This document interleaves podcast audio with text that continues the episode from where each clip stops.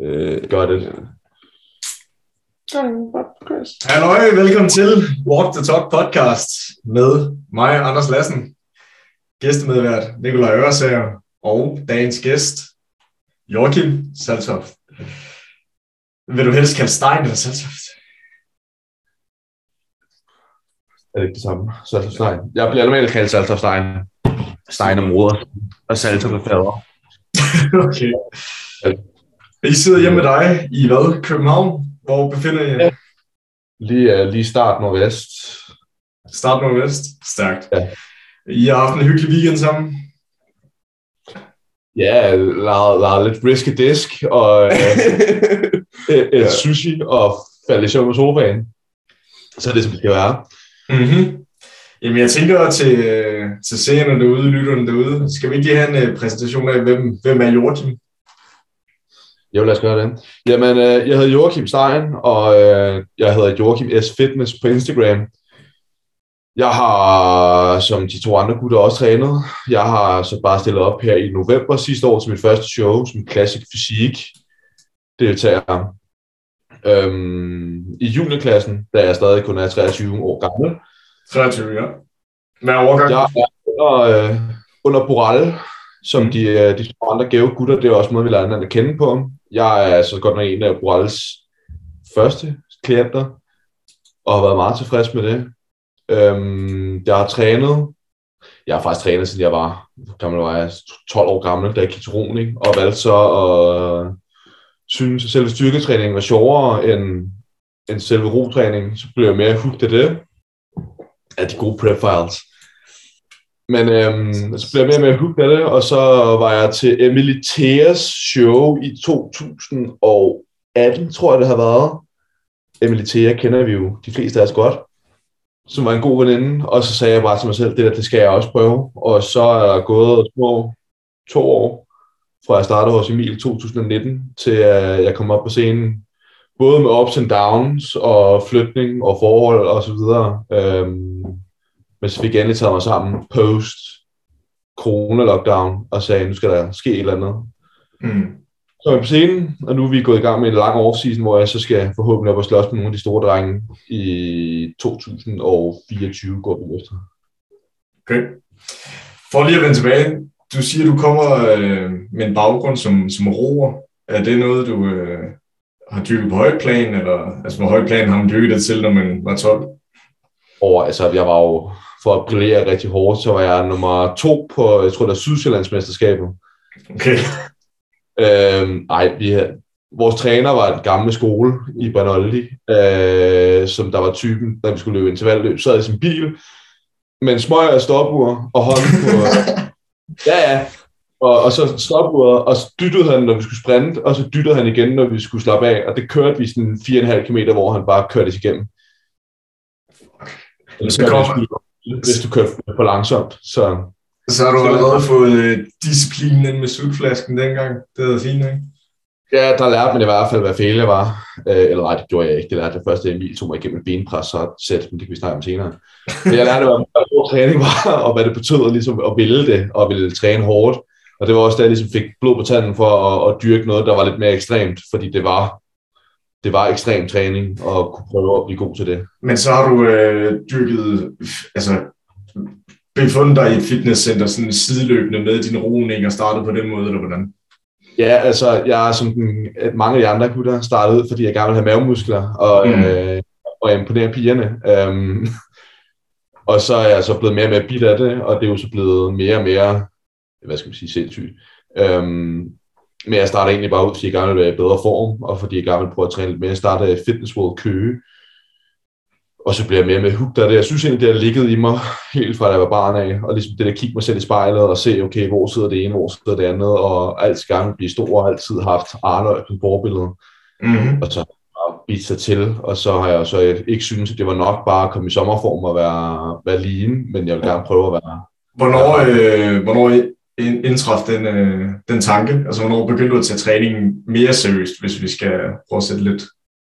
Det var da jeg mødte Emily Thea øh, i, i Fitness World Køge, og jeg ligesom, der var jeg med til hendes første show og så, okay, jeg vidste godt, hvad det var, og jeg vidste godt, hvad det sådan svagt handlede om, og øh, jeg vidste slet ikke, hvad det krævede overhovedet at være bodybuilder, men jeg, jeg synes, det var spændende, og tænkte, okay, lad os, lad os prøve det, og så blev jeg bare mere bitter, da jeg først kom til et show og så, hvordan ser de her gutter ud, øhm, hvor store det egentlig var, hvor, hvor pænt man kunne gøre det, og hvor, hvor æstetisk man kunne gøre det, og så tænkte jeg, det, det skal jeg også bare det der. Det, og hvad, mig. Da, da du begyndte at træne, var der da øh, classic fysik, eller er det noget, der er kommet senere? Det, er altid, det har altid været klassisk fysik. Øh, jeg er, er formet som køleskab, så jeg skal bestemt aldrig nogensinde stå som mensfysik. Og, og jeg synes også, at der er noget mere kunst over at kunne vise hele sin fysik. Ikke at mensfysik-drengene ikke er store og flotte, men jeg synes også bare, at der er noget kunstnerisk i at kunne vise en frirutin og kunne vise de større mandatory poses. Ja, så det er ikke bare front pose og back pose. Ja, ja, at det, altså, du kan ikke bare sige ikke bare. Øh, Nej, det er jo smag og behag, kan man sige. Ikke? Der, er mere der, der, er noget mere, øh, der er noget mere æstetisk og kunstnerisk over det. Det er mere mm. bag bodybuilding, jeg synes, der er inspirerende. Men det bunder så måske også i, at du siger, at Arnold har været forbillede, og så kan man sige, så kom du til Emil fra start af, da du begyndte at tage det seriøst, og han dyrker selv classic fysik, ikke? og øh, den var... Og jeg har ikke nogen brystkasse og skulderarme, mm. Så jeg vil heller ikke passe ind i min fysik. Man må også ligesom vælge sin kamp med omhu. Man kan sige, det er også ærgerligt at vælge at gå i en retning, hvor man måske fra naturens side ikke øh, har de bedste kort på hånden. Ikke? Altså. Der er det sådan lidt, hvis man skal kunne overleve en prep og få sjov, så skal man sgu bare stille op i det, man synes, der er, som første gang i hvert fald. 100 procent, 100 procent. Er, er, spændende, og, og det man gerne vil, fordi at man kan sgu ikke komme igennem en prep, hvis det ikke er noget, man inden helt af sig selv gerne vil. Nej. Det er også derfor, at, at jeg, jeg skal direkte i bodybuilding, og ikke tager den, som mange laver, går starter med classic, og så går over i bodybuilding. Du kommer ikke til at gå over i bodybuilding, det ved jeg godt. Du, kom, du, du, kommer, du kommer til at fortsætte i Classic og gå den lange vej, som det, der nu er der. Se, hvor det er. Jeg skulle også til at sige, Nicolaj, med dig som eksempel, fordi man kan sige, din, din struktur, altså du er, du er sådan lidt, lidt lavstrammet i det, eller hvad skal man sige, sådan et kompakt makker. Du vil fandme også se sjov ud i enten badeshorts eller øh, på en classic scene. Det vil, øh, det vil være kønt. Jeg tror at se dig i badeshorts. Jeg vil bare lige en fed i bare på grund af min mave. Nå, hvad, noget nyt under solen med dig, Nikolaj. Du øh, er taget på visit hos Joachim, og hvordan er ugen ellers gået siden sidst vi snakkede sammen? Jamen altså, jeg fik, øh, jeg kørte jo min mesocycling færdig i, til i onsdags. Og hurtigt til alle lytterne derude, som måske ikke er lige så nørdet som os. Mesocycling, hvad, hvad er det? Det er, vi kører fem ugers periode, hvor at u 1, der har vi en grundvolumen på vores træninger. Og så, Men, mængden af træning, ja. ja. Øh, og så over fire uger, så øger vi så vores, øh, vores volumen, øh, flere sæt eller nogle intensitetsteknikker på. Og så den sidste uge, der kører vi enten D-volume, hvor vi kører bagoversæt og ikke må slå nogle tal. Øh, træner ligesom reardrengene kedeligt, Øh, og så, ellers så holder vi fuld rest, øh, hvor vi ikke træner overhovedet. Mm. Jeg, jeg fik så øh, D-volume her, øh, her i onsdags til check-in, og ja. så øh, den, der aftalte jeg hurtigt med Emil, at øh, jeg, havde, jeg var kommet herover i fredags, og så kørte jeg egentlig min, min D-volume træning fredag, men så blev Emil og jeg enige om, at, at jeg skulle træne med Joachim øh, lørdag med fuld volumen. Nej, det var nok mig, der blev enige om, at vi skulle træne fuld volumen lørdag. Vi blev alle sammen enige om det. Jeg krævede det. jeg har sagt, at den træning skulle vi have i lang tid. Her kan I se billederne på skærmen? Ja, ja sagtens. Et billede af Nikolaj fra træningen. Var det fredag? Ude det var fredag fredag. For om jeg skulle posere efter den. Nej, det, det, det, det kunne ingen af os. Så er det bare, det er bare Jørgen, der sidder her og chiller og er fotoman. Ja. Det var et godt billede der. Det blev også postet på begge jeres stories. Dejligt tryk på systemet. Armene er virkelig begyndt at, at komme vanvittigt med. Jeg synes også, at brystet er begyndt at forme sig bedre. Man, man kan da se uh, delingen af brystet her. Jeg tror, høre på det. Han benægter det. du ved, Anders, du ved godt, at jeg ikke kan se det. Nej, det, det, er sådan, det, det er lidt dit, dit issue, det er det der med din selverkendelse. Altså, jeg, jeg ved godt, at man må aldrig se sig tilfreds, hvis man vil nå langt inden for, inden for det her, eller nogen former for, for sport, vel? Men man må også nogle gange lige stoppe op, klappe sig selv lidt på skulderen, og så knokle videre. Nej, det er sjovt bare at give ham komplimenter. Det Jamen, ikke prøv, jeg, jeg, jeg blev...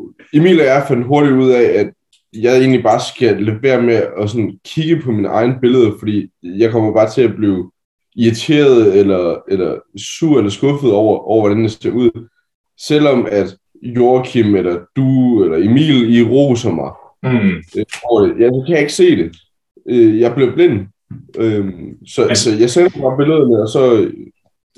Må det, må det ikke også, at man stiger sig en smule blind? Det synes jeg i hvert fald personligt. Jeg ved ikke, hvordan du har det med det, Joachim, men når man kigger sig selv så tit i spejlet, sådan som jeg også gør nu under prep, jeg ved ikke, man kigger måske lidt nej, men 100 der øh, Ja, og det, det er jo en af de der med, hvad, hvad for en mentalitet man tager på, og hvad for en hat man tager på. Fordi at hvis du først begynder at stå og stresse over, hvordan du ser ud, jamen så går det bare ikke godt. Så får du for højt kortisolniveau, og så går du rundt og stresser, og får du ikke noget ud af det. Øhm, 100 procent. så det kommer til det der med at kigge på sig selv, og jeg kan godt forstå Nikolaj, men nogle gange skal man også bare være realistisk og kunne se sig selv i spejlet og sige, Mm. okay, jeg har opnået et eller andet. Men det tror jeg, Ja, Men tror, tror du ikke, det er en aldersbetonet ting også? Fordi altså nu, jeg fylder 28, ikke? og jeg kan 100% sætte mig ind i, hvordan Nikolaj han har det. Jeg synes, det er noget, jeg har udviklet over de senere år her, at jeg er blevet bedre til stoppe op, klappe mig selv på skulderen og knokle videre, som jeg sagde. Altså det er sådan, det der med, at jeg, jeg, jeg dvæller ikke ved tingene så længe af gangen. Altså, jeg, jeg har et ret realistisk syn. Det er jo også- der er jo- desværre ikke alle, der når at opleve det i, det, i deres liv. Det der med at have selverkendelse på sine styrker og på sine svagheder. Nej, nej, bestemt ikke. Bestemt ikke. Selv det der med bare at kunne sige til sig selv, hvor det er, man faktisk er god henne, det kan også være svært at indse, fordi at man er jo altid betinget af, at mennesket er negativt, når man ser på sig selv. Men det kommer jo også lidt an på ens øh, forventninger til sig selv, eller den proces, man står i. Altså, Ja, meget, meget, meget, meget. Det, det er helt 100% at man også en forventningsafstemning, man skal lave med sig selv og sin omgivelse, hvad det er, man faktisk vil, og hvad man gerne vil opnå. Det er jo det. Det synes jeg er en, øh, en sindssygt god overgang til dagens emne, som egentlig skal handle sådan lidt omkring, hvad skal man sige, mental sundhed, det mentale aspekt i at, at dyrke noget, der er ekstremt, som bodybuilding nu engang er, i alle sine former, uanset om det er badeshorts eller den kortere mandetrus, ikke? Øhm, der er mange ting i det. Det er, en, det, er en, det er en stor, stor, stor del, og du var lidt inde på det omkring det med roningen, det der med, at så har man enten en, en træner, der er ekstrem, eller man dyrker det på så højt et plan, at det bliver ekstremt, og det kræver nogle ting. Øhm, hvordan ser I det generelt, hvis man nu bare går i fitness og gerne vil se bedre ud? Altså, lever vi i et samfund nu på grund af sociale medier og sådan noget der, hvor, hvor, hvor der er et ekstra pres i forhold til, da du for eksempel startede med at træne, Joachim? Åh, oh, ja, så skal vi komme ind på øh, samfundsidealen og idealkroppen. Nej, det skal ikke blive så tørt. Det var bare mere sådan, altså, om, om det Okay, synes, samfundsfagsbogen op. Nej, det er jo, der er jo et forskroet syn på, hvad der er normalt. Øh, og der prøver jeg også selv at være meget gennemsigtig på min egen side. Og min egen medie med ligesom at vise, jamen, prøv at det er ikke sådan her, man ser ud hele tiden. Og, og, og Instagram og sociale medier vil altid være et glansbillede af, hvad man ser, i forhold til, hvad det er, man får lov til at opleve. Øhm, så jeg kan sagtens se det der med, at der er mange, der starter på grund af, at de har et pres på sociale medier, fordi at man forventer, at man skal se ud på en bestemt måde for at blive accepteret. Og at man så også nogle gange kan give sig selv for meget skyldfølelse, hvis det er, at man træder ud for, hvad man må, fordi at der bliver malet det her glansbillede øh, på Mm, sociale og, man, og man, kan jo, man kan jo sige, du, du sagde det faktisk måske lidt uden egentlig at tænke over det, at det var derfor, du egentlig startede i fitness. Ja. Udover det komplementerede din roning, så var det for at se, se appsen. Jeg startede af præcis samme årsag. Jeg, jeg spillede bordtennis på halvhøj plan i, i mange år, og da jeg så blev ældre, og der gik lidt øh, damer og bajer og noget i den ved siden af i gymnasietiden og sådan noget der, jeg tænkte, okay, jeg, jeg var blevet lidt træt af, at der var for meget struktur. Jeg begyndte at nyde det der med, at jeg kunne møde op i fitness, når jeg havde lyst. Der ikke var en træner, der stod og råbte af mig klokken øh, 17.00 hver tirsdag, du ved, det der meget, øh, ikke, ikke et tvangsindlagt øh, schema, men altså, det var op til mig lige pludselig, ikke? Men det var øh, sådan lidt forkert årsag, at jeg startede med at træne måske, men det tror jeg, der Ja, var. altså, var man overhovedet begyndt at træne, hvis man ikke havde det her blik, der var på Instagram med, okay, du skal have apps, og du skal sådan og sådan her ud, og sommerkroppen, Og sådan, mm. Hvis idealet sommerkrop ikke var der, hvor man så overhovedet startede i fitness, eller havde man bortset med at spille WoW. Og, og ja, det, det, altså, ja, jeg gør alle dele stadigvæk, ikke? På, på spiller WoW. Men jo, der er helt klart et forkert syn på idealkroppen, og det er der stadig. Heldigvis vil jeg sige, at øh, det begynder at blive mere oh, oh nej, nu siger det, woke, mm. i forhold til, at, at man begynder at kunne sige, jamen det er også normalt at, at kunne have lidt løs ud nogle steder, og du behøver ikke at stå totalt strammet op året rundt. Det tror jeg faktisk også øh, ligesom gør det mere acceptabelt at gøre det, som, som vi gør, altså prøve at dyrke sådan noget som altså kropskulturen og bodybuilding, altså the art of sculpting the body, sådan øh, øh, mere normalt. Øh, vi, vi, vi er måske ikke så fremmede mere i den forstand. Vi er stadigvæk ekstreme, ikke? når man gerne vil stille op og vise sig frem på en scene og sådan noget, men ja, er det ikke blevet mere normalt? Jeg synes bestemt stadig, at det skal være en subkultur, fordi det er ekstremt, og jeg vil heller aldrig nogensinde sige, at det, jeg gør, er, er pænt normalt. Jeg var aldrig nogensinde, at det at være i sceneform er, er pænt. Altså, hvis du spørger mig, så er idealkroppen Henry Cavill i, uh, i Man of Steel, hvis folk kender den reference. I don't. Google det, men det er med det der med, at jeg synes stadig, at man skal adskille tingene, fordi at det at være bodybuilding, det er en subkultur, og for at kunne forstå, hvorfor man synes, det er pænt, så skal man også kunne se, jamen det er hvor der er ikke nogen, der synes af os, der er en open bodybuilder er pæn.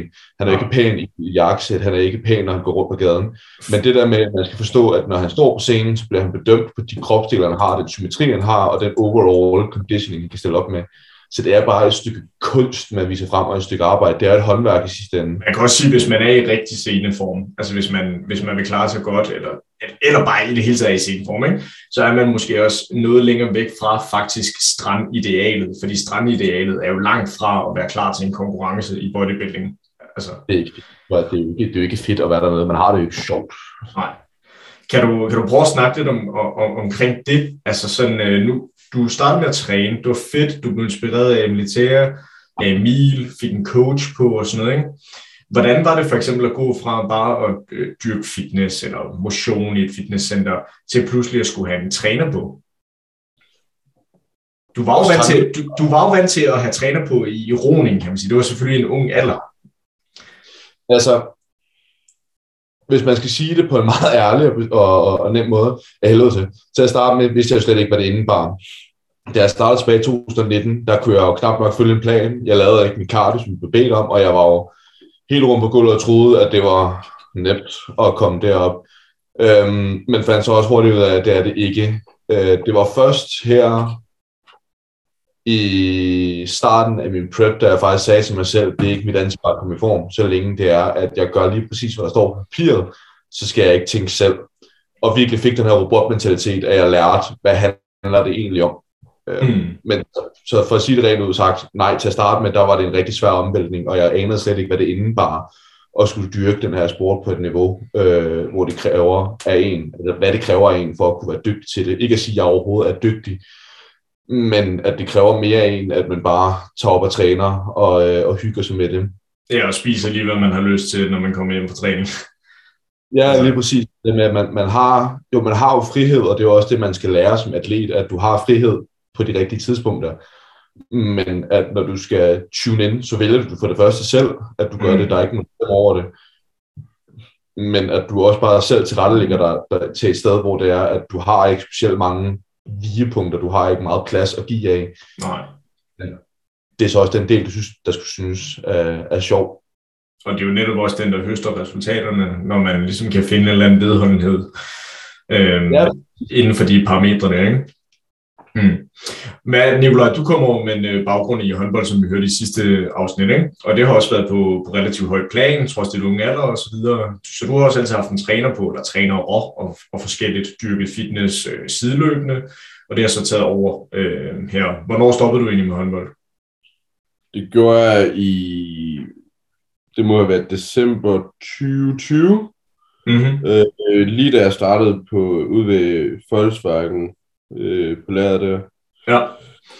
Hvordan øh, synes du, øh, overgangen har været? Altså nu, du har så som sagt haft træner på i mange år, og helt op til, at du ligesom begyndte i, i fitness, og tog fitness ret seriøst, er faktisk mere eller mindre from the get-going. Hvordan synes du, overgangen har været? Altså, du havde jo lige en periode, hvor du egentlig styrede det træning selv, så var du ved en anden coach, en Emil, og så Emil, ikke? Jo, altså, Du var mere ekstrem, end jeg var til at starte med. ja, ja, det var jeg. Altså, Ja. jeg, var, jeg var jo en helt almindelig, øh, gerne bare have vaskebræt, mm. før jeg startede hos Emil. Mm. Og så fik jeg så en, en lussing af karakterer, hvad det handler om. Du er meget mere ekstrem, end jeg var til at starte med. Jamen, jeg tror også, det er fordi, jeg har jo altid været vant til øh, at få sviner øh, fra, fra håndboldtræning. De sviner, uanset hvad vi gjorde. Vil, vil, vil du Øh. sætte navn på samtidig, eller er det, er det fint? Øh, jeg, altså, det var, Det meget tæt. det, det, det, det, det, var- det, var- Fortsæt, fortsæt, det, var sgu, øh, det var sgu vores, øh, mine håndboldtrænere. Dem alle sammen, undtagen lige de sidste, jeg havde. Skud. Øh, øh, hvor, hvor at vi bare blev, altså, der forventede, at vi var altså, det bedste hold, og vi gjorde alting perfekt. Og jeg kunne godt lide den, øh, den måde at træne på, fordi det fik mig til at yde en ekstra indsats. Så jeg har altid været vant til, at, at det skal være, altså, målet det er at vinde. Målet det er at gøre det perfekt, selvom der ikke findes, findes det perfekte.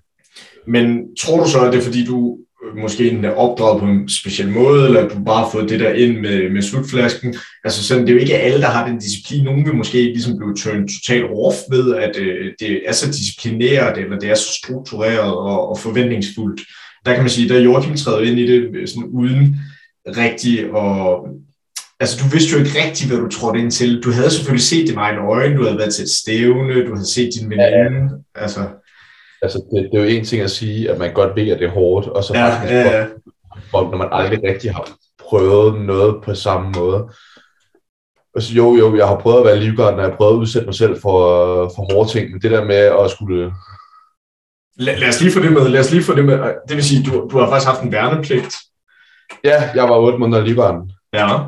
Så der, der kan man sige, der, der burde du netop have fået noget disciplin og virkelig noget hierarki og noget ind. Altså, Ja, altså, der, der, der lærte man det der med, altså, jeg vil ikke kalde det kæft til det retning, fordi sådan er det nu, der militær ikke, men det var mere det der med, at øh, nu er der nogen, der har sagt, du gør noget, og så gør du det uden at rigtig tænke over det. Du brokker dig heller ikke. Nej. Mm.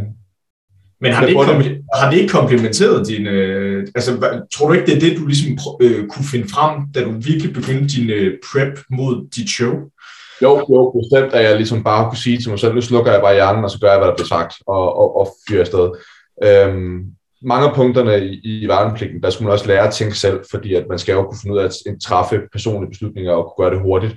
Så du lærer også hurtigt at ligesom kunne veksle mellem øh, valg og konsekvens, at kunne overveje, hvad har den her retning, så tager det her valg, af konsekvens for mig, hvis der er, jeg gør et eller andet. Øhm, eller noget, noget smart, men det lærte mig helt bestemt det der med, at, at hårdt arbejde i sidste ende ikke bare er at gøre noget, du synes er hårdt, men det er vedvarende at blive ved med at træde i lorten, og så tænke, det her det er fedt, og så blive ved med at gøre det dagen efter, og dagen efter, og dagen efter, og så for at til sidst kunne sige, ja okay, det, det kan man godt klare. Det, det, det, det er virkelig en dejlig beskrivelse. Super fin metafor. Altså, vi jogger faktisk bare rundt i hundelort på daglig basis, os tre. Bodybuilding er bare en hård, altså en ubehagelig sport, hvor det er, man skal sige til sig selv, at det her det er rigtig, rigtig træls, og det kommer det til at være de næste rigtig mange uger. Jamen, du, du presser jo din krop til noget, den ikke har lyst til. Hverken, altså, når du er i, i øh, prep, så presser du din krop til at være i en fedtprocent, den bare ikke har lyst til at være i. Og i, årsvisen, der presser du din kropsvægt til, til, en, til en vægt, den aldrig nogensinde har været i. Så det, der bliver du også presset. mm. Det er bare en anden form for. Men det er det er helt værd. Det, Men lad, lad, lad, lad os prøve at grave lidt i det, fordi man kan sige, nu vi, vi tre, eller jeg er i en helt anden ende af spektret lige nu i forhold til jer to. Man kan sige, ja. Nikolaj er 19 år gammel, du er hvad, 3, hvad var du, 23, fylder 24? Fylder 24? Ja, Ja, ja. Og I begge to, I vejer omkring hvad, 106, 8, 9 kilo? Ja, sådan slu, slutningen af, af 100, Ja, af 100 Så der bliver, der bliver skubbet noget mad i hovedet. Efter Nikolajs mening ikke nok. Det er klart, det er klart han er jo umættelig, ikke? Men prøv, prøv, prøv, prøv, at tage, prøv at tale lidt ind i det, Joachim, for nu har du prøvet at være på konkurrence, og også dig, Nicolai, for den skyld. Du, du har også prøvet at cut øh, en del gange gennem tiden sikkert, og, og, og så videre. Øh, I hvert fald med Emil har du allerede gjort det en gang med jer. Prøv, prøv øh, hvad især, vi starter med dig, Nicolai, prøv, prøv at fortælle lidt omkring det her med, at det også kan være hårdt at skulle skubbe så meget mad i hovedet, og ikke bare gøre det en enkelt dag, en enkelt uge, men blive ved med det over længere tid. Altså, det er jo også en mental udfordring, som det er at skulle komme i strandform og endnu vildere, ikke? Jeg vil faktisk sige, det er ikke så meget det med, med maden, der er mit problem. men, men, men det, er, det er egentlig mest det der med, at, at vægten, altså den, den er så høj kontra, hvad, hvad man lige har været vant til. Altså for 20, hvad mener du? Altså, 20 øh, uger siden, der vejede jeg 93 kilo. Nu vejer jeg 108 plus. Det er en stor forskel, og det er bare en hurtig ændring i, øh, i vægten, og en hurtig ændring på, på ledene, når man bare går. Altså, mm. altså bare dag, dag, daglige gøremål bliver hårdere, og alting eller hvad? Vi, vi er på ansat. Det er sgu hårdt for mig, der skal gå op i trappen. Han er pævd, der skulle op først. Ja. Hvad, hvad etage bor du på? Anden sag. Det er ikke, det er ikke hårdt, bare roligt. Bare. Det... Jeg bor i stue. du bor hjemme med de gamle. jeg kan godt have taget sådan noget af CFD, at når man først har været, nu har jeg været på scenen, altså det der med... med hvad, var du, hvad, hvad var du nede at veje, Joachim, på dit øh, tyndeste fest, må jeg sige det sådan? Det var 93,1 eller noget, tror jeg. Jeg tror, det var 93,8. Så du har været nu 13 kilo tungere? Ja, siger det. 13-14 kilo. Og det, øhm, det kan mærkes? Det begynder at kunne mærkes. Jeg vil sige, at det ikke er hårdt nu, øh, og bestemt ikke i forhold til, hvordan, hvor hårdt jeg ved, det kan blive. Men i og med, at vi først lige har startet min off-season nu, og jeg ligger på det tungeste, jeg nogensinde har været, og jeg spiser mere mad, end jeg nogensinde har gjort, og jeg ved, at vi skal skubbe op, i hvert fald til 115 kilo, så er jeg også bare forberedt på, at jeg kommer til at få det træls, fordi jeg allerede begynder at mærke nu, at jeg skal ikke have meget mere mad, for det begynder at blive, blive nederen. Øh, og det kommer altså fra en, der startede hos Emilie, hvor det var, at jeg altid har haft dårlig forbrænding. Jeg har altid været ham den tykke dreng, der ikke rigtig kunne få mavemuskler. Og jeg har aldrig rigtig spist specielt meget mad. Til at jeg sådan nu for første gang nogensinde har sagt tak til ham, at han ikke gav mig en madøvning. Det gjorde han faktisk. Ja. øhm, så, så det er det der med, at, at græsset er sgu ikke grønnere på den anden side. Så skal man også virkelig forstå, når man er i de forskellige faser, at det kan godt være, at det er sjovt at være, være i årsisen og få lov til at spise osv men jeg savner skulle også være hakket og kunne stå og, og hive, maven, eller hive maven frem, eller trøjen op i centret, og så faktisk kunne se, se mavemuskler, og ikke bare håndtag. Lad os prøve, lad os prøve at gribe lidt fat i det, fordi jeg, jeg har lidt det modsatte, altså der, der, der har vi måske lidt det samme med, at jeg synes faktisk, det er nemmere at være på diæt, end det er at skulle spise meget. Jeg er ikke en særlig stor spiser, altså sådan, jeg elsker fucking mad, men jeg har ikke øh, så nemt ved at skulle spise store mængder, for eksempel. Øhm, og det kan man jo blive nødt til, når man skal have så mange øh, kalorier, som man nu engang skal have, for at presse kropsvægten op, hvor, hvor I har den nu. Ikke?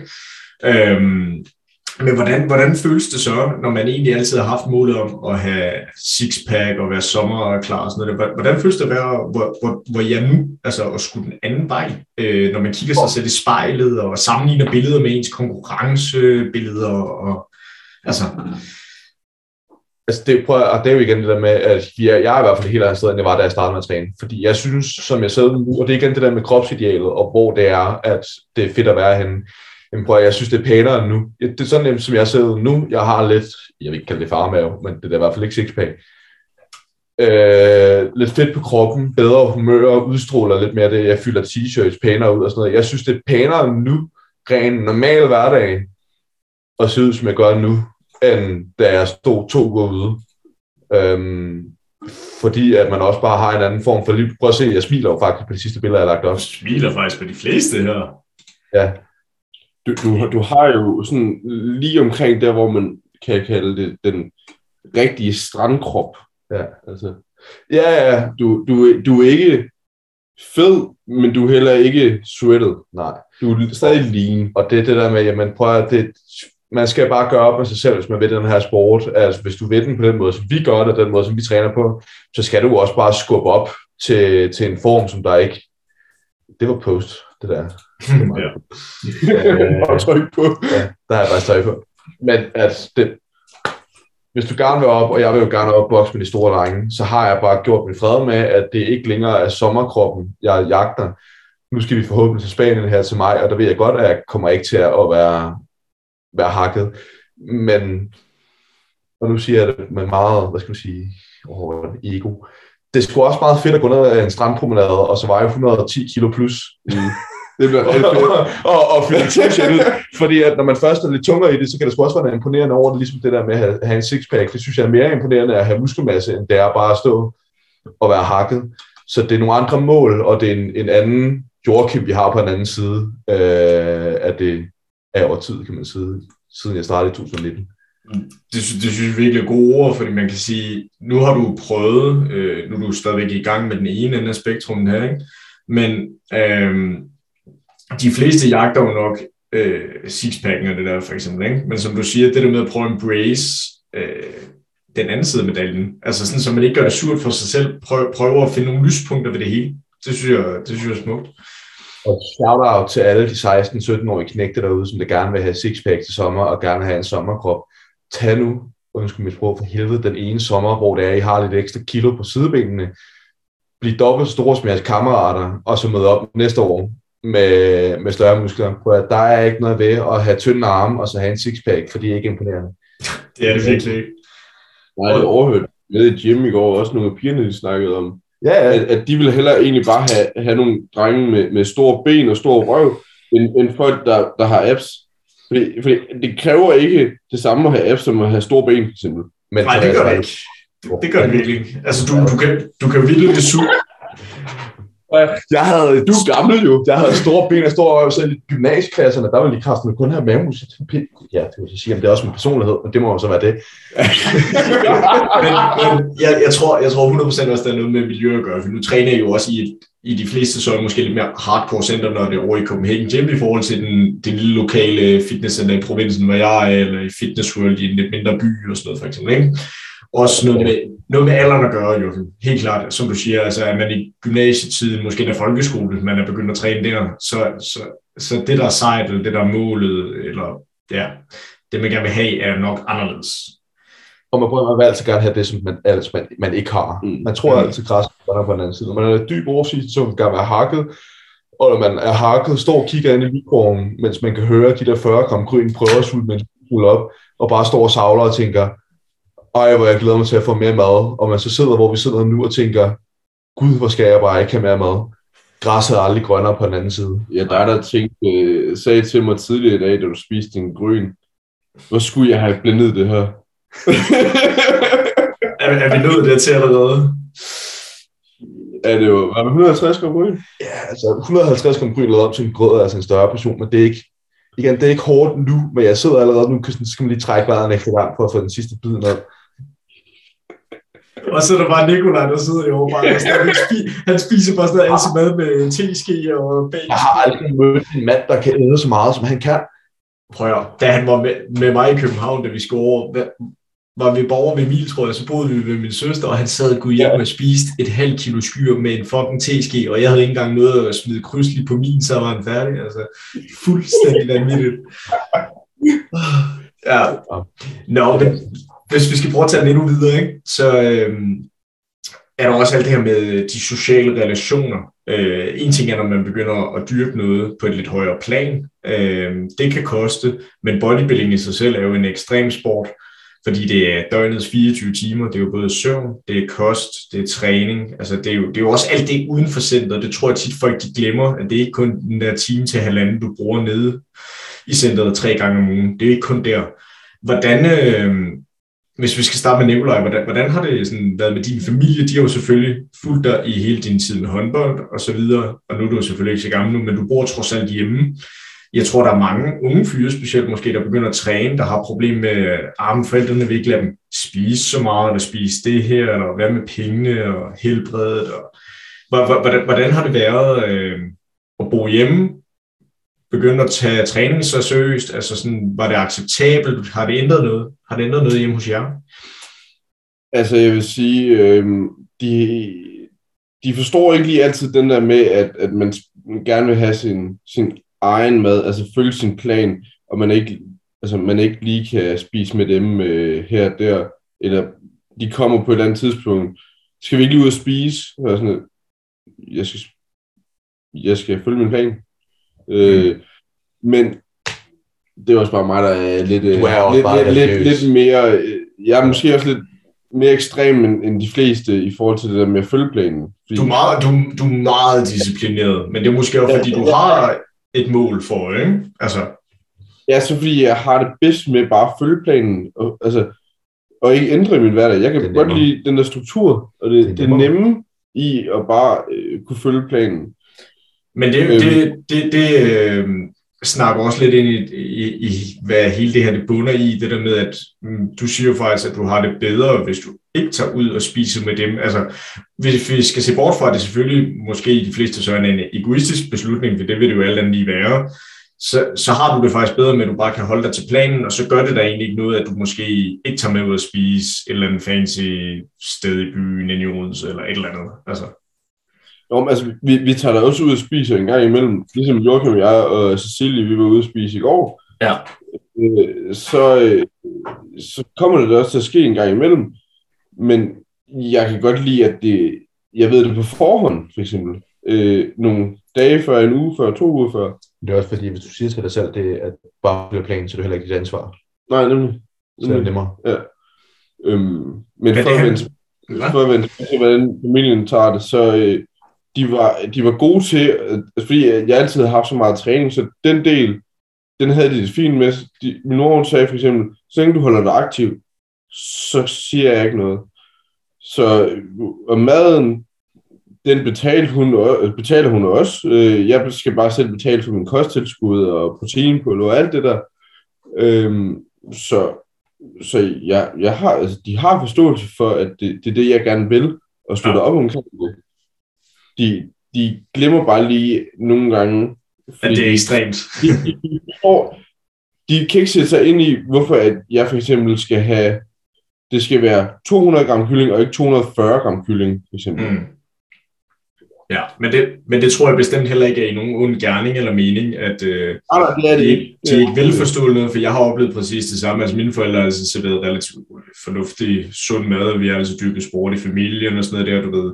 Så det har altid, der har altid været en forståelse for tingene, men det der med, at det skal være den der fødevare, eller det skal være de der gram, eller det der sådan, eller Åh, kan du ikke øh, løbe en tur i stedet for at tænde, hvorfor skal du jagte et fitnesscenter på Mallorca i stormvejr, eller at du ved, sådan noget andet, ikke? Øhm, hvordan med dig, Joachim? Hvordan, hvordan, hvordan har det været med, boede du ude, da du begyndte at træne øh, mere seriøst, eller boede du hjemme? Ja, jeg kan ikke lige få den der jagte et uh, fitnesscenter på Mabea, eller hvad fanden var det i, i Stormberg? Nej, det var, det, var, det, var, det var bare, øh, jeg ved ikke, hvorfor jeg sagde stormvejr, for det er typisk godt vejr, når man er på ferie. ikke? Men det er bare mere det der med, at de kunne måske ikke altid forstå, hvis vi var på familieferie førhen, da jeg begyndte at tage træning mere seriøst, og så gad jeg måske gå i 20 minutter og 30 minutter for at finde et eller andet skummelt fitnesscenter for at træne. Du ved, at jeg ikke kunne bruge de der to techno-gym-maskiner på hotellet, eller bare løbe en tur rundt om poolen eller sådan noget, ikke? Åh, oh, okay, jeg tænkte lige, der var en sjov historie bag. Nå, nej, nej, ikke noget specifikt. Jeg tror, og det var også, jeg havde jo egentlig sat mig selv for, at jeg gamle stille op i øhm, 2020, Mm. øhm, men mit bagland var bare ikke klar. Jeg var ikke økonomisk forberedt til at kunne stille op. Jeg var ikke øh, forholdsmæssigt klar til at stille op. Og, øhm, og jeg var ikke et sted, hvor det var, at jeg ligesom kunne sige til mig selv, at jeg kunne prioritere noget så hårdt i forhold til andre ting. For det er jo en prioriteringssag. Du har jo stadig kun de samme 24 timer i døgnet, som alle andre har. Lige præcis. Så, så jeg valgte at faktisk udskyde showet til det så blev til efteråret 2021, også på grund af covid og alt det her. Men jeg har bestemt lært, hvad det handler om i forhold til at kunne prioritere sin tid, men også prioritere sin sport på de rigtige tidspunkter. Ja. Øhm, for det, det tager sgu tid, og det tager også liv og energi fra en. Øh, og der har jeg også selv indset nu, at, at den tid, jeg er i, i off-season, at der skal jeg også prioritere tiden til at kunne sige, nå, hvad så? Også selvom jeg på nogle punkter også kan synes, det er hårdt, ligesom Nikolaj at sige, jamen det er ikke altid nemt bare at sige, jamen nu følger jeg ikke lige planen, eller nu skipper man lige 1000 skridt, eller noget af den stil. For det må man jo sådan set godt, det vælger jeg jo selv. Det er jo helt op til dig selv, ja. Ja, ja, præcis. Det der med at... Det har bestemt været en, en, en lærerlektie for mig, eller en dyr lektie for mig også, i, øh, på nogle punkter, og ligesom sige sig selv, hvornår skal jeg prioritere de rigtige ting. Øhm, rent nu her, jamen, så er jeg jo velsignet med, at jeg har en kæreste, der forstår og støtter mig i det. Uh, hun kræver så også bare, at når jeg, når jeg ikke er i prep, så skal jeg så også prioritere noget tid sammen med hende, hvilket jeg gør.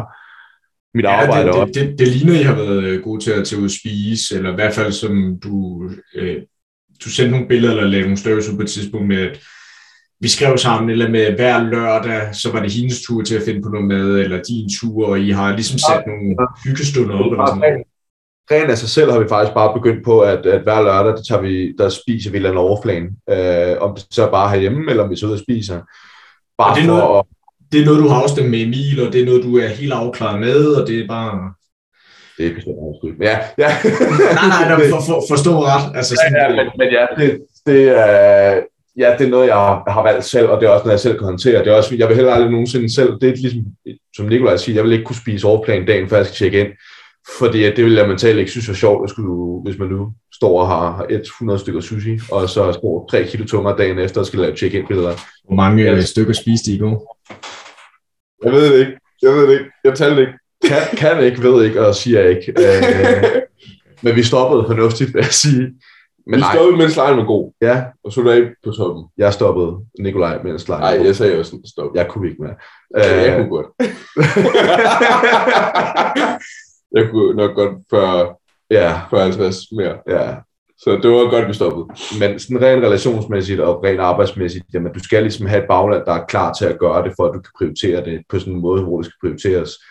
Fordi du har ikke flere end de 24 timer, du allerede har i forvejen. Og hvis du i forvejen har en stresset hverdag, i forvejen øh, ikke, kan, ikke kan lægge tid til side til dig selv, så skal du måske overveje, hvad det er, der skal prioriteres frem for det andet. 100%. Øhm, jeg er rigtig, rigtig heldig, at jeg har en arbejdsplads, der er forstående, og jeg har øh, et miljø, der er forstående, og jeg har en, en kæreste, der er forstående. Min familie, der, jeg bor ude, så man kan jo sige, de behøver jo ikke at være så forstående. Nej, nej, øhm, nej. De gange, hvor jeg har haft madpakke med, så har min meget gammeldags mormor godt nok kigget på mig og sagt, du skinner ben, men, men de kommentarer bliver man jo bliver man jo vant til til sidst. Mm. Så det handler helt klart om, at den nærmeste cirkel skal være indforstået med det, man laver, og så kan det være det nemmeste i hele verden. Jeg havde ærligt talt en super net prep, fordi jeg bare sagde til mig selv, det er ikke mit ansvar, at komme i form. Jeg følger bare planen og giver mig selv den prioritering til den tid, jeg har. Og jeg sagde også til min nærmeste, jeg sagde også til mit miljø og til min arbejdsplads, at, øh, at arbejdet selvfølgelig kommer først. Øhm, men jeg havde altså det her kørende, og jeg sagde også til Cecilie, at der kommer altså til at være tidspunkter, hvor jeg bliver nødt til at prioritere mit show og min prep frem for, for vores tid sammen. Øhm, men når vi så endelig havde de her aftener, og det var en af tingene, også grundene til at træner om morgenen fast, det er for at kunne have aften sammen med Cecilie, for at kunne prioritere hende. Godt eksempel, godt eksempel.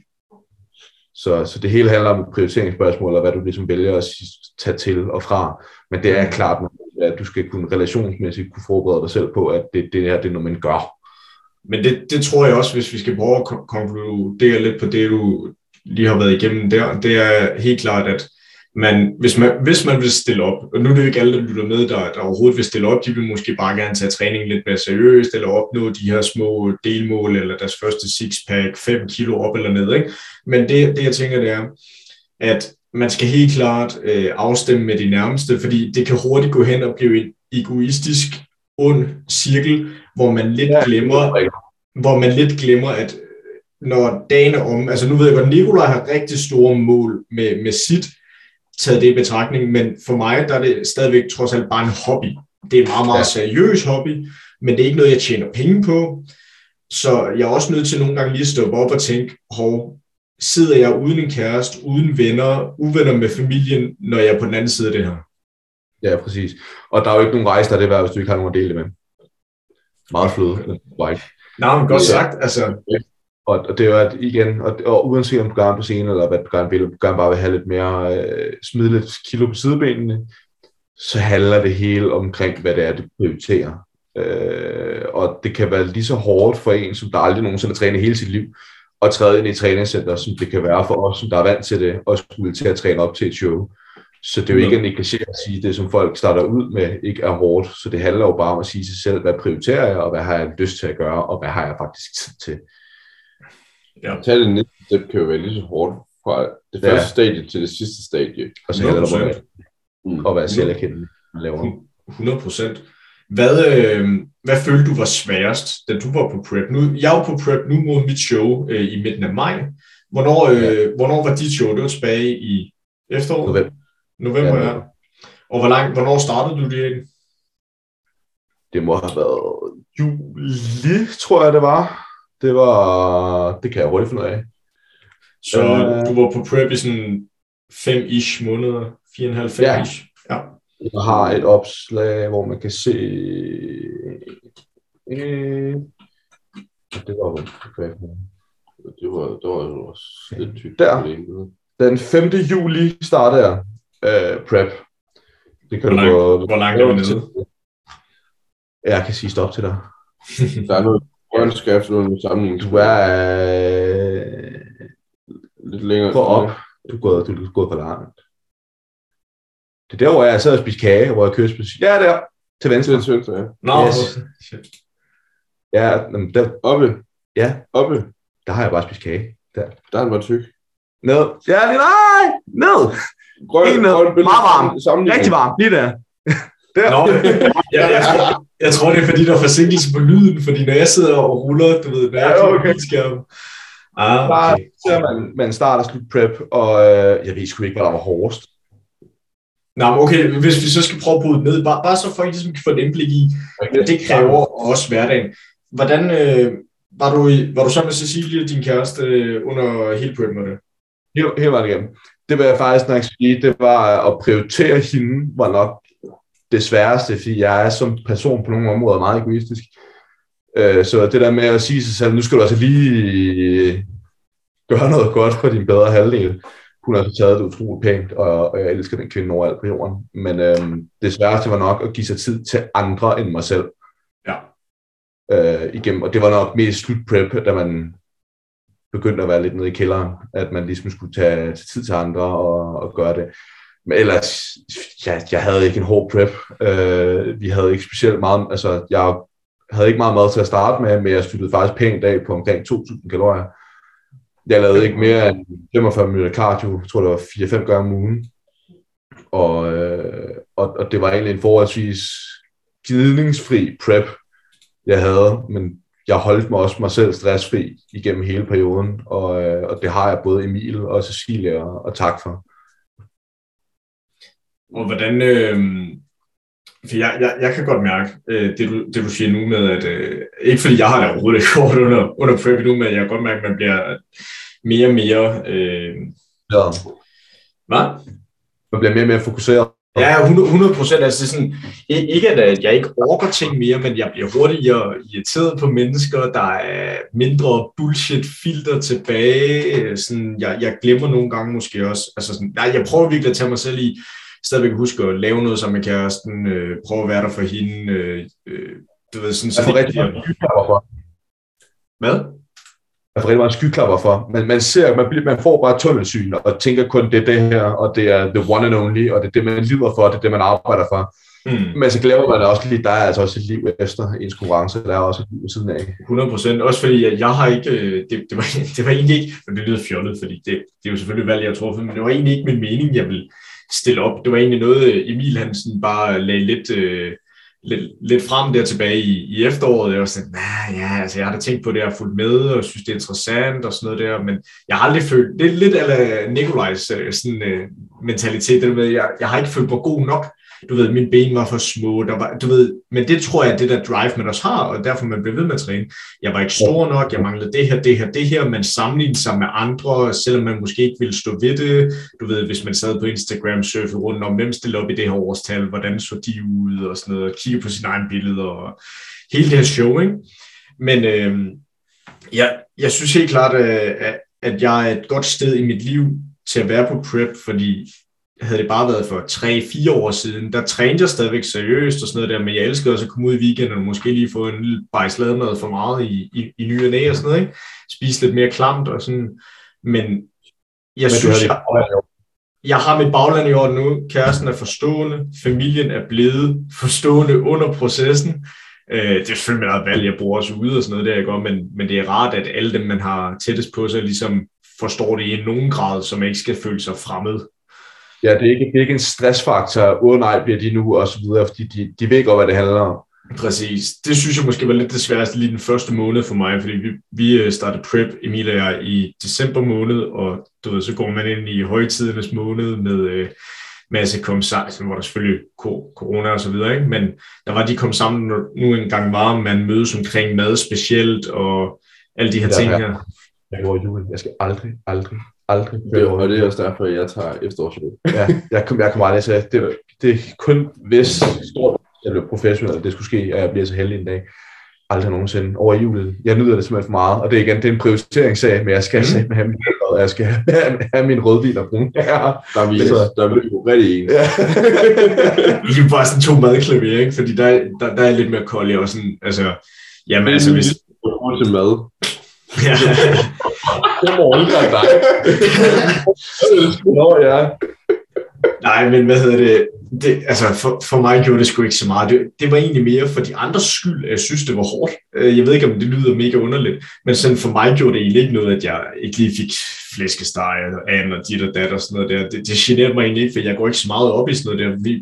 For mig, når jeg har sat et mål, så målet klart det største. Det var lidt underligt. Jeg synes, det var hårdt at skulle sidde og prøve at komme med søforklaringer og være sådan, jamen jeg gør det her sådan her, sådan her, sådan her, uden at føle sig som en alien øh, i selskabet. Var det mere for, var det mere for de andres skyld, fordi at jeg godt forstod det der med, i og med, at normale befolkning forbinder rigtig meget hygge med mad, og, og der er jo traditionerne med, med den mad, man spiser nytårsaften og juleaften og julefrokost osv. Så, videre. så jeg kan godt se, hvad du mener med, at det bliver, bliver hårdt for en selv at skulle prøve at leve sig ind i den stemning med en topperware med kylling og grøntsager.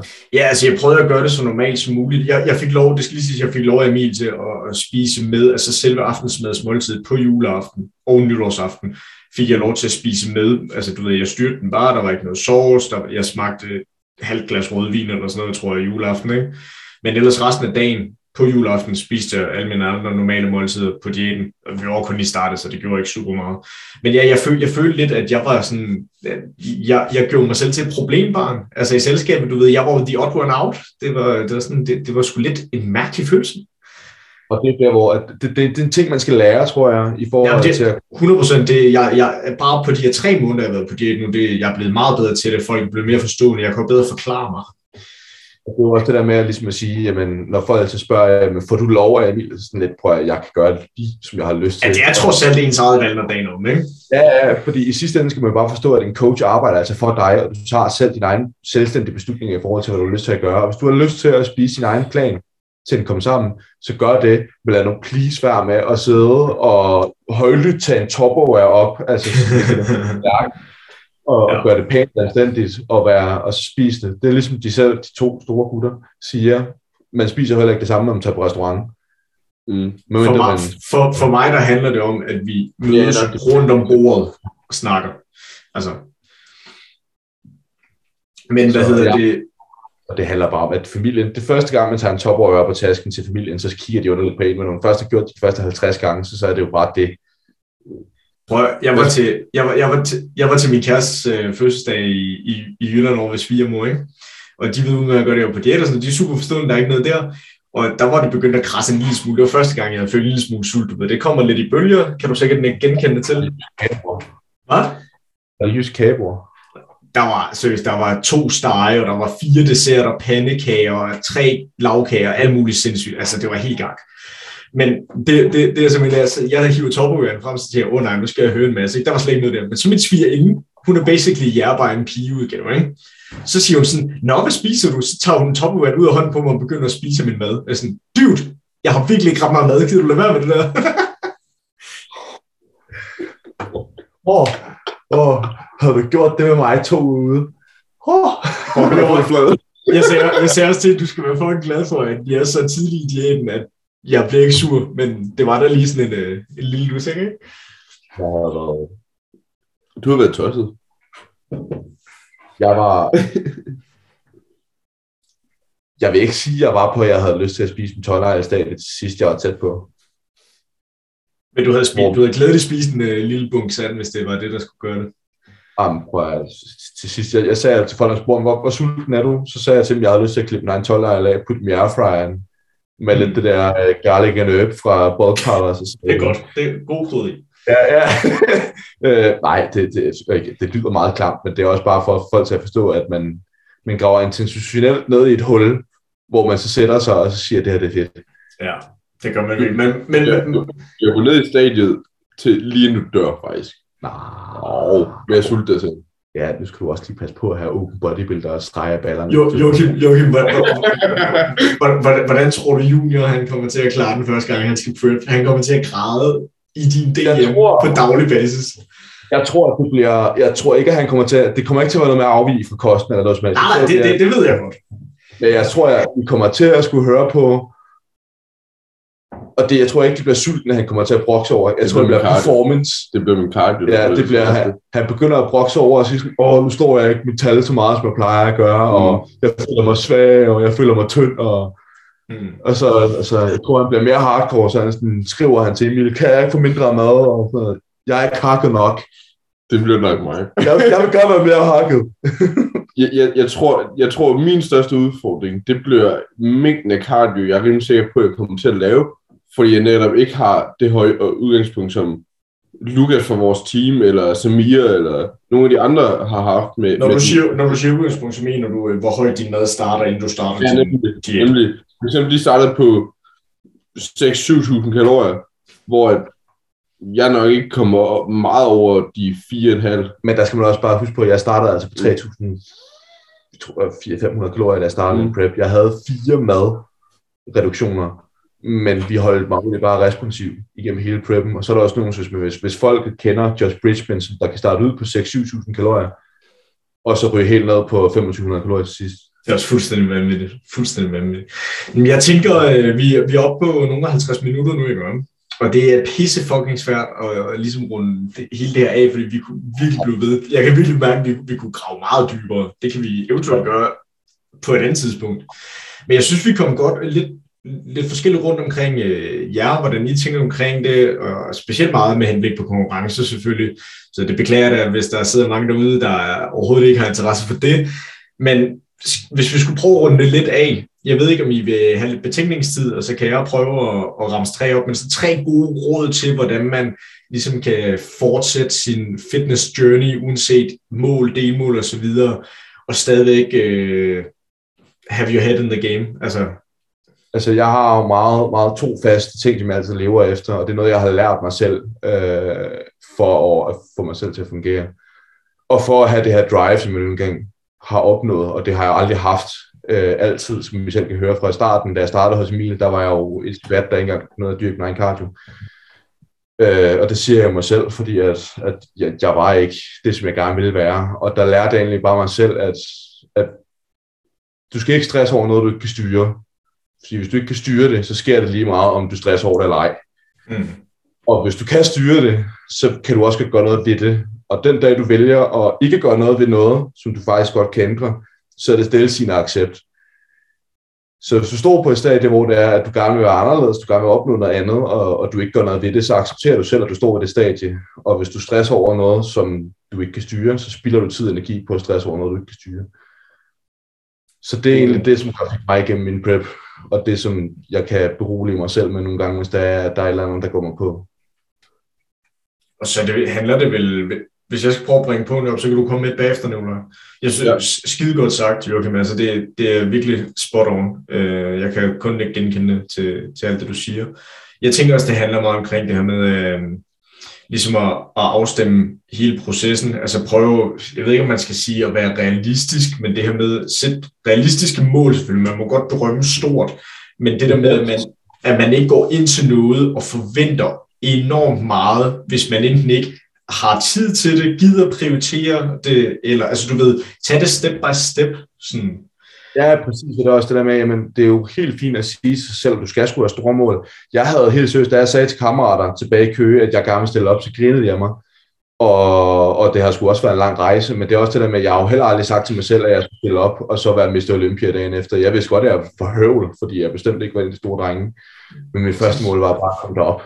Mm. Og et, et mål kan jo være lige så lidt som at komme op i træningscenteret, eller smide de første kilo, eller bænke 100 kilo. Der har vi vist alle sammen været. Så Mm. det handler om, du skal skulle have det store mål i livet, fordi ellers kommer du ikke nogen vejen, men du skal også huske på at fejre de små sejre.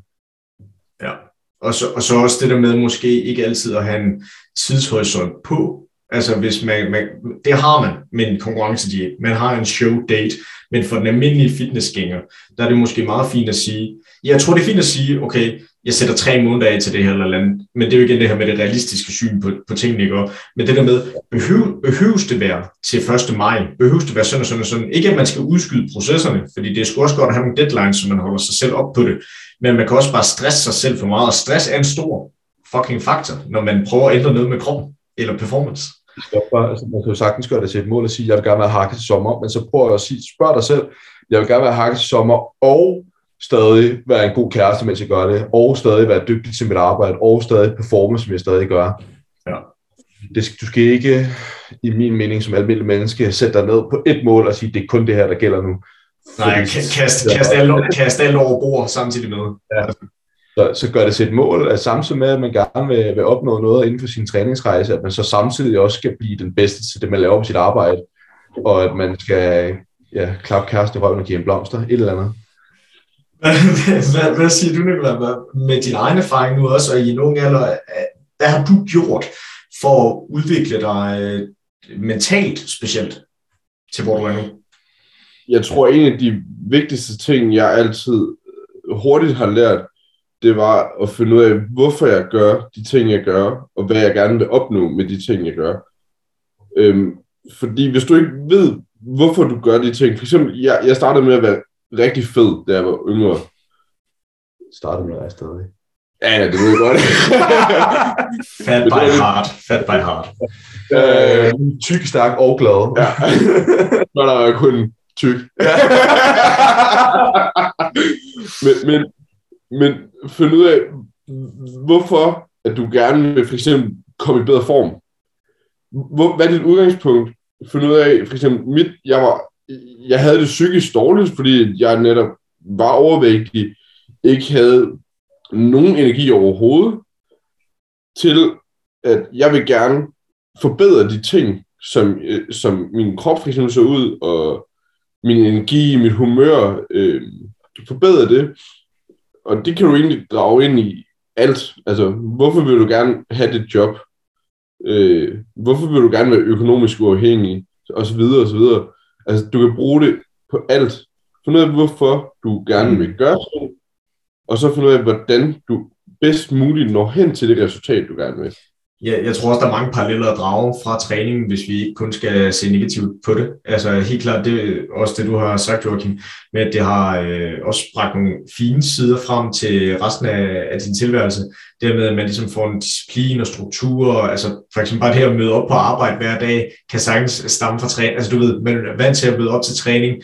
Man møder op til tiden man gør det her, man bliver bedt om, eller skal gøre for dagen, alle de her ting her. Ikke? Ja, det er jo bare, som mennesker er vi bare vanedyr, og vi kan alle tilegne os vaner, som der kan være gode, så vi tilegne os vaner, som der kan være dårlige, og det er klart, det kender jeg jo fra, fra lockdown 1, da jeg ikke trænede overhovedet. Mm. Altså, en mindre depression. Jeg blev småtyk, og jeg synes bestemt ikke, at det var sjovt at være mig.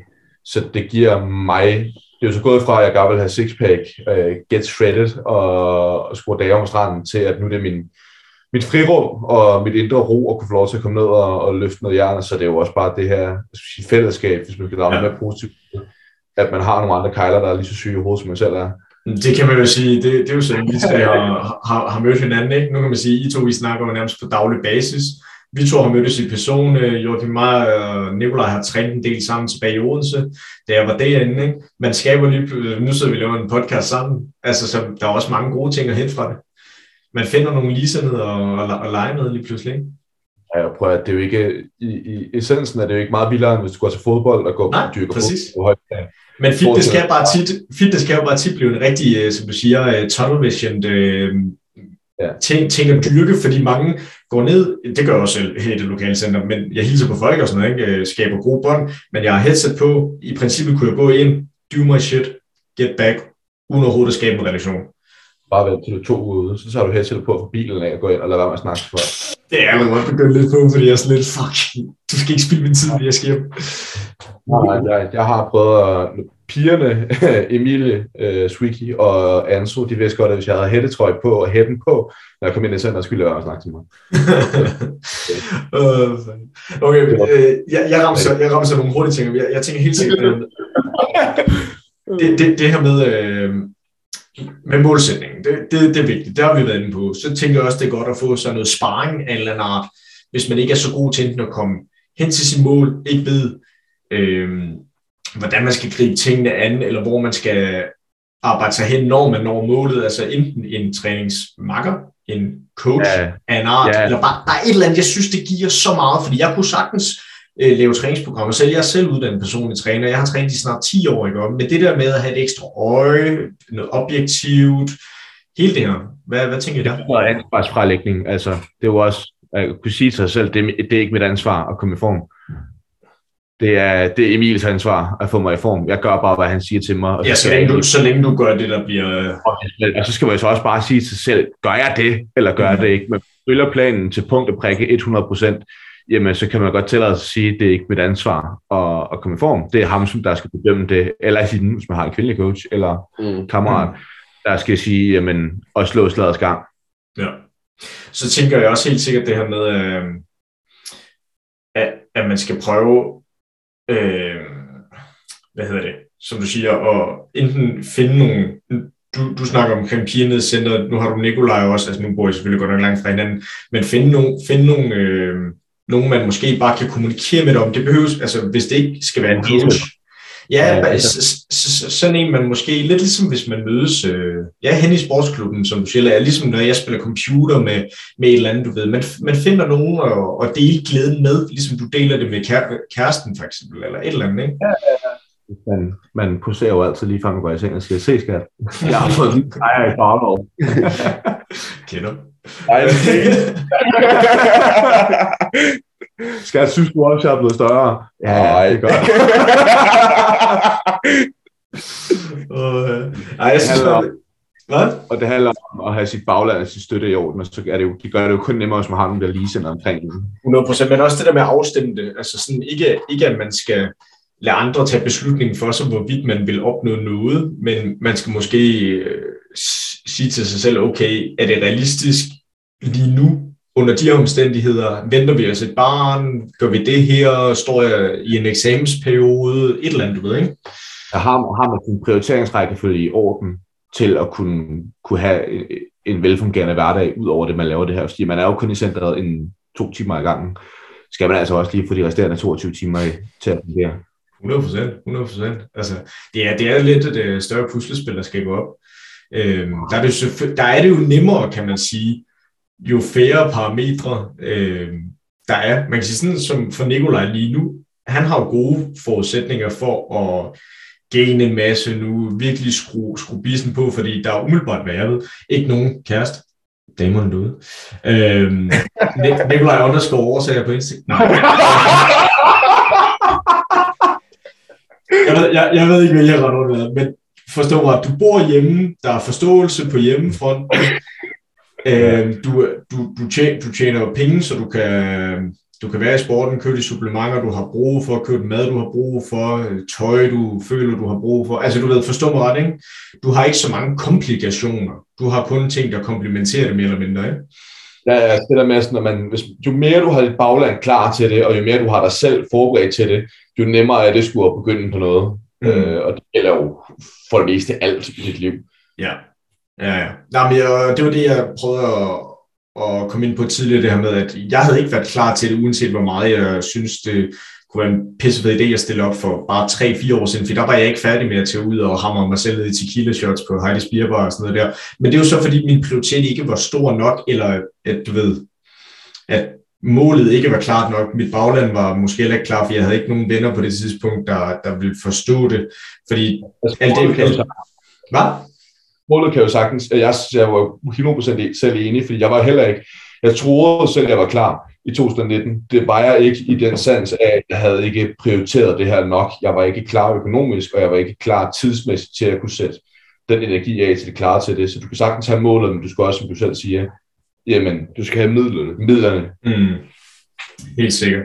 Jamen, øh, jeg ved ikke, har I noget andet at tilføje, eller så synes jeg, vi skal prøve at sige tak Jeg for i dag. masser, vi har også en tidsårsat, har jeg fået. Lige præcis, vi er allerede oppe på en time og fem plus det løs. Ja. Men vi kan jo altid, øh, vi kan altid få noget feedback fra folk derude, der gider lytte til det. Så kan vi begynde at måske køre nogle lytterspørgsmål på et tidspunkt. Næste gang Nikolaj skal over, eller du måske skal tage uden til et eller andet, så må vi lave øh, en catch-up.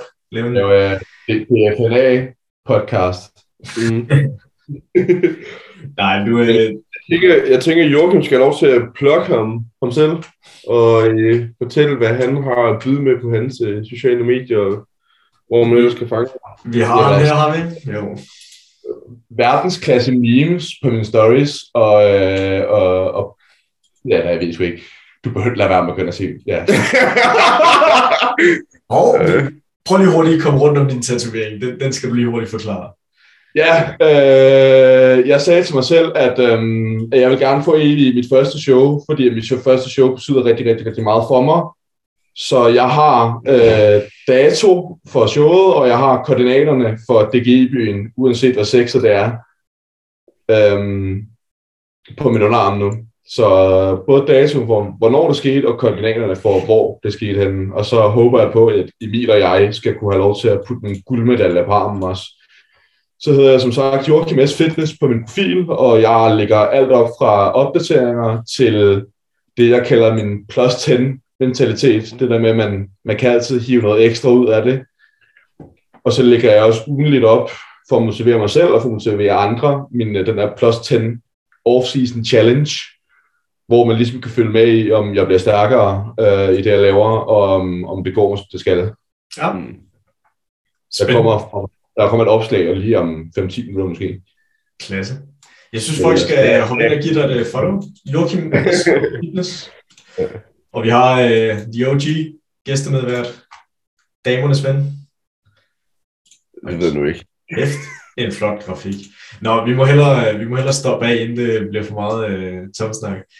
I kan lige hænge på, når, når jeg stopper her. Så, øh, men jeg ved ikke, om vi skal plukke for, for næste episode overhovedet, Nikolaj. Vi har noget i støbeskeen til, til næste episode, men det skal vi lige diskutere over for jer. Hvordan og hvorledes, og hvad det skal handle om. Om vi skal have fem episoder mere med Joachim og hans liv, eller om vi skal... Nej, jeg, jeg, Nej, det gider vi ikke høre på.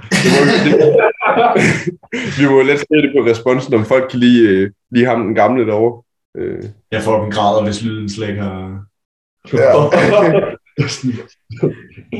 Og jeg, jeg, jeg, jeg vil egentlig allerede gerne undskylde, Nikolaj, fordi jeg har proklameret, at du har været ude og investere i mikrofoner og muligt, og så vælger du at tage Ja, til Sjælland og snakke gennem din Mac.